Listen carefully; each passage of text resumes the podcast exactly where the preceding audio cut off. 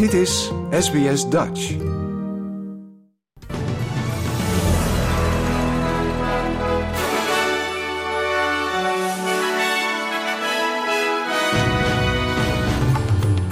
Dit zijn de headlines van het SBS Dutch Nieuwsbulletin van zaterdag 27 augustus.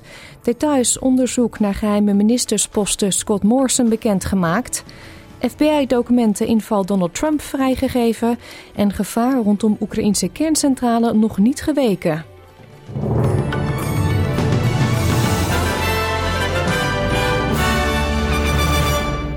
Premier Anthony Albanese heeft de details bekendgemaakt van een onderzoek naar de geheime benoemingen van Scott Morrison tot vijf ministeries. Het volgt het advies van de regering eerder deze week, waarin werd vastgesteld dat de oud-premier geen wet heeft overtreden door de portefeuilles over te nemen.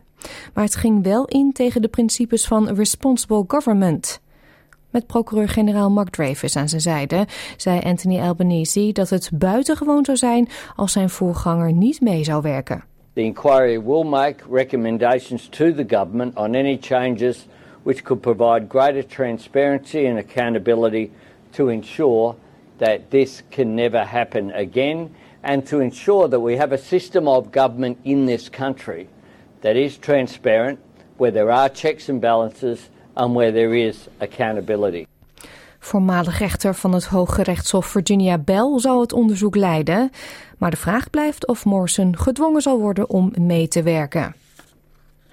Ondertussen zijn er natuurlijk ook parlementsleden die het onderzoek van de federale regering naar de geheime ministeries van Scott Morrison veroordelen. Zo beschuldigt plaatsvervangend oppositieleider Susan Lee de regering van oneerlijk gedrag. Ze zegt dat de regering de kwestie politiseert. Mr. Albanese's priorities are all about the past. He is obsessed and consumed by the politics of the past.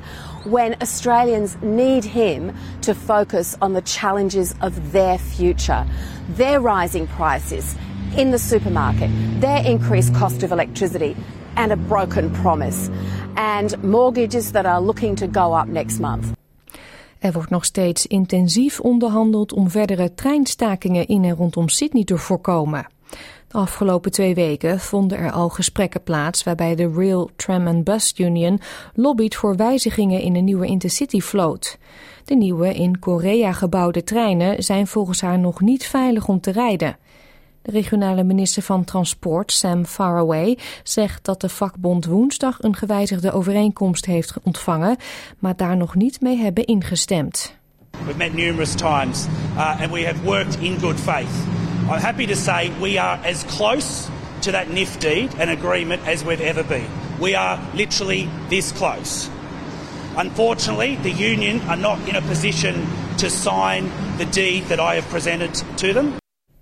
Karine Jean-Pierre, perssecretaris van het Witte Huis, zegt dat het Witte Huis geen commentaar zal geven op de juridische documenten die zijn vrijgegeven in verband met de huiszoekingen bij Donald Trump in Florida, door de FBI geheime documenten zijn meegenomen. We feel that it is not appropriate for us to comment on this. Uh, this is an independent investigation that the Department of Justice uh, is leading. That's something that the president finds uh, is an important thing to do for the Department of Justice to have that independence. We're just not going to comment. Uit een vrijgegeven gecensureerd document dat de basis vormde voor de huiszoeking in oud-president Trumps villa, bleek dat de FBI verwachtte bewijs te vinden dat de oud-president een overheidsonderzoek dwarsboomde. In het stuk is te lezen dat Trump in januari 15 dozen met documenten aan het Nationaal Archief overdroeg. Daarin zaten ook topgeheime documenten die hij niet in zijn huis had mogen bewaren. Dit was de aanleiding voor het onderzoek dat tot de huiszoeking leidde. Bij, de huiszoeking eerder deze maand vond de FBI ook staatsgeheime documenten. Sinds hij president af is, wordt Trump geconfronteerd met vele federale en staatsonderzoeken. De Republikeinse oud-president heeft erop gehind dat hij zich weer kandidaat wil stellen voor de volgende presidentsverkiezingen. Gaan we naar Oekraïne, want daar zegt president Volodymyr Zelensky dat de situatie rond de kerncentrale van Zaporizhia precair en gevaarlijk blijft. I want to emphasize that the situation remains precarious and dangerous. Any repetition of yesterday's events, in other words, any disconnection of the station, the Zaporizhia nuclear power plant from the grid, or any actions by Russia that could trigger the shutdown of the reactors, will once again put the station one step away from disaster. That's why it's essential that the International Atomic Energy Agency mission arrives at the station as soon as possible and helps to keep the nuclear power plant under permanent Ukrainian control. Bij de centrale brak eerder deze week brand uit en raakten hoogspanningskabels beschadigd. Door de brand werd de centrale voor het eerst in de geschiedenis van het Oekraïense stroomnet losgekoppeld. Volgens president Zelensky is Rusland verantwoordelijk voor de brand. Rusland stelt dat Oekraïense troepen de brand hebben veroorzaakt. Rond de centrale zijn altijd beschietingen.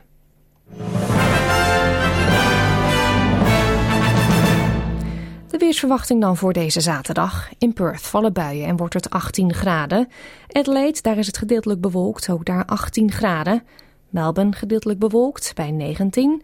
Hetzelfde in Hobart, bewolkt maar 16 graden. Canberra kans op buien, daar ook 16 graden. Wollongong, buien, 18 graden. Ook buien in Sydney, 19 graden daar. In Newcastle kans op een paar buitjes, 20 graden. Brisbane dan, ook daar af en toe kan daar wat regen vallen en wordt het 22 graden. Cairns, dan neemt het aantal buien in de loop van de dag toe, 27. En in Darwin tot slot schijnt, ja, zoals altijd, de zon en wordt het 33 graden. Dit was het SBS Dutch Nieuws.